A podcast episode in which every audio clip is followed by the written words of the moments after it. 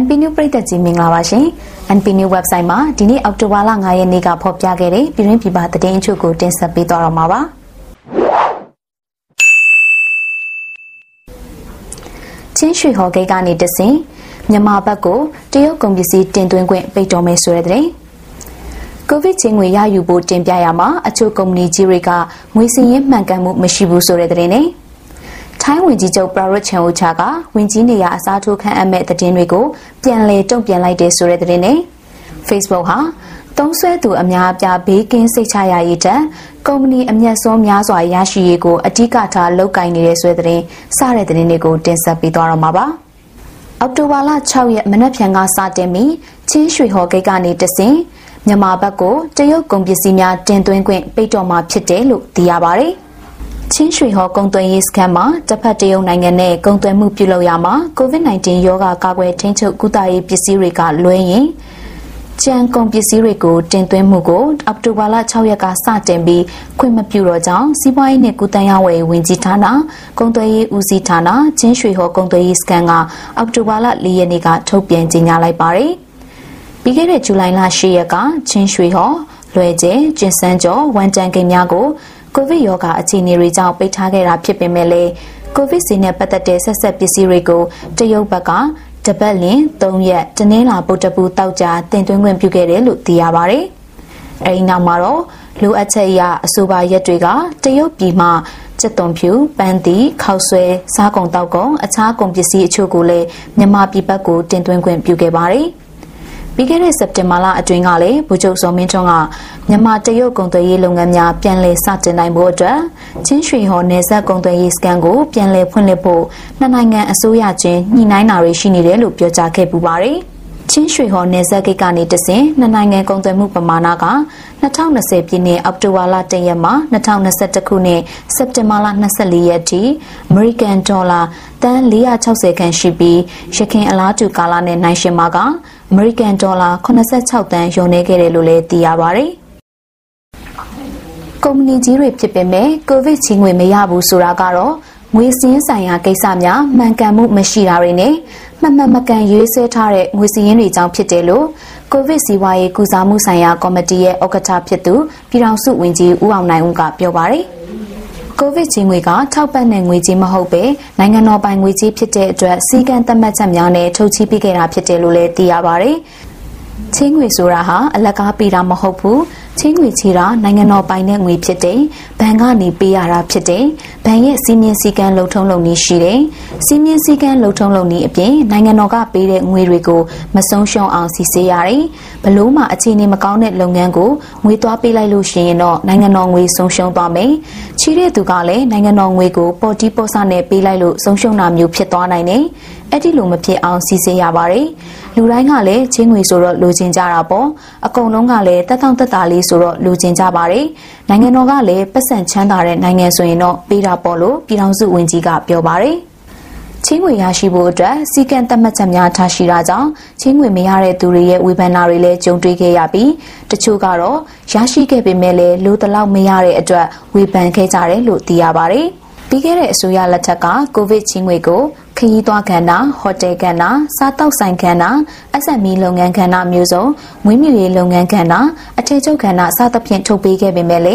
က်ရှိကာလချေးတဲ့ချင်းငွေကတော့ထုတ်လုပ်မှုခွင့်ဆက်တစ်ခုလုံးအကျိုးသက်ရောက်မှုရှိဖို့နဲ့ကုန်ထုတ်လုပ်မှုမြင့်တင်နိုင်မှုကိုဦးစားပေးတယ်လို့သိရပါတယ်။ NP New website မှာဖော်ပြခဲ့တဲ့နိုင်ငံတကာသတင်းတစ်ပုဒ်အနေနဲ့ကတော့ထိုင်းဝင်ကြီးချုပ်ပရာရွတ်ချန်အိုချာကအထူးကဝင်ကြီးနေရာတွေကိုအစားထိုးက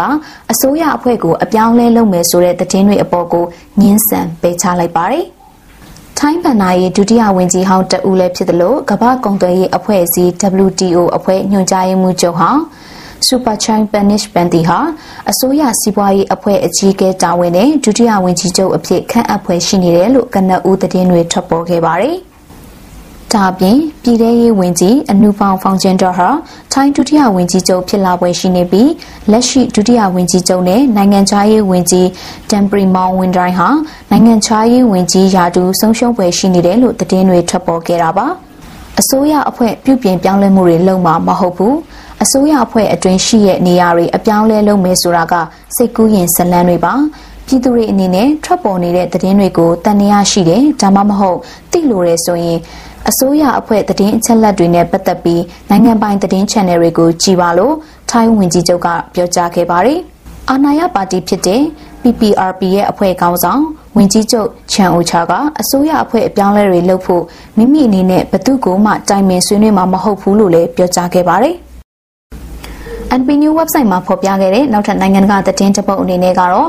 Facebook ဟာသုံးစွဲသူအများအပြားဘေးကင်းလုံခြုံစိတ်ချရရေးတဲ့ကုမ္ပဏီအမျက်အစွန်းများစွာရရှိရေးကိုသာအဓိကထားလုပ်ကိုင်နေတာဖြစ်တယ်လို့ဆွဆွဲပြောဆိုခံနေရပါတယ်။ Google နဲ့ Pinterest ကုမ္ပဏီတို့အတွက်အလုပ်လုပ်နေတဲ့အချက်လက် data ပိုင်းဆိုင်ရာသိပ္ပံပညာရှင်တဦးဖြစ်ပြီး Facebook ရဲ့ဝန်ထမ်းဟောင်းလည်းဖြစ်ဖူးသူ Francis Hawking က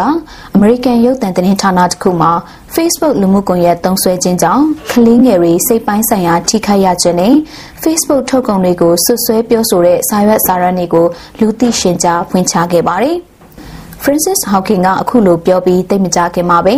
ကဘာကျော်လူမှုကွန်ရက်တွေဖြစ်တဲ့ Facebook, WhatsApp နဲ့ Instagram တို့ဟာကြကြပြန့်ပြန့်ပြတ်ကျမှုတွေဖြစ်ပေါ်ခဲ့ပါတယ်။ အသက်38နှစ်အရွယ်ရှိ Francis Hawking က Facebook ဟာသုံးစွဲသူအများအပြားဘေးကင်းစိတ်ချရရေးထက်ကုမ္ပဏီအမျက်စွန်းများစွာရစေဖို့ရွေးချယ်လုပ်ကိုင်နေတယ်လို့ပြောဆိုခဲ့တာပါ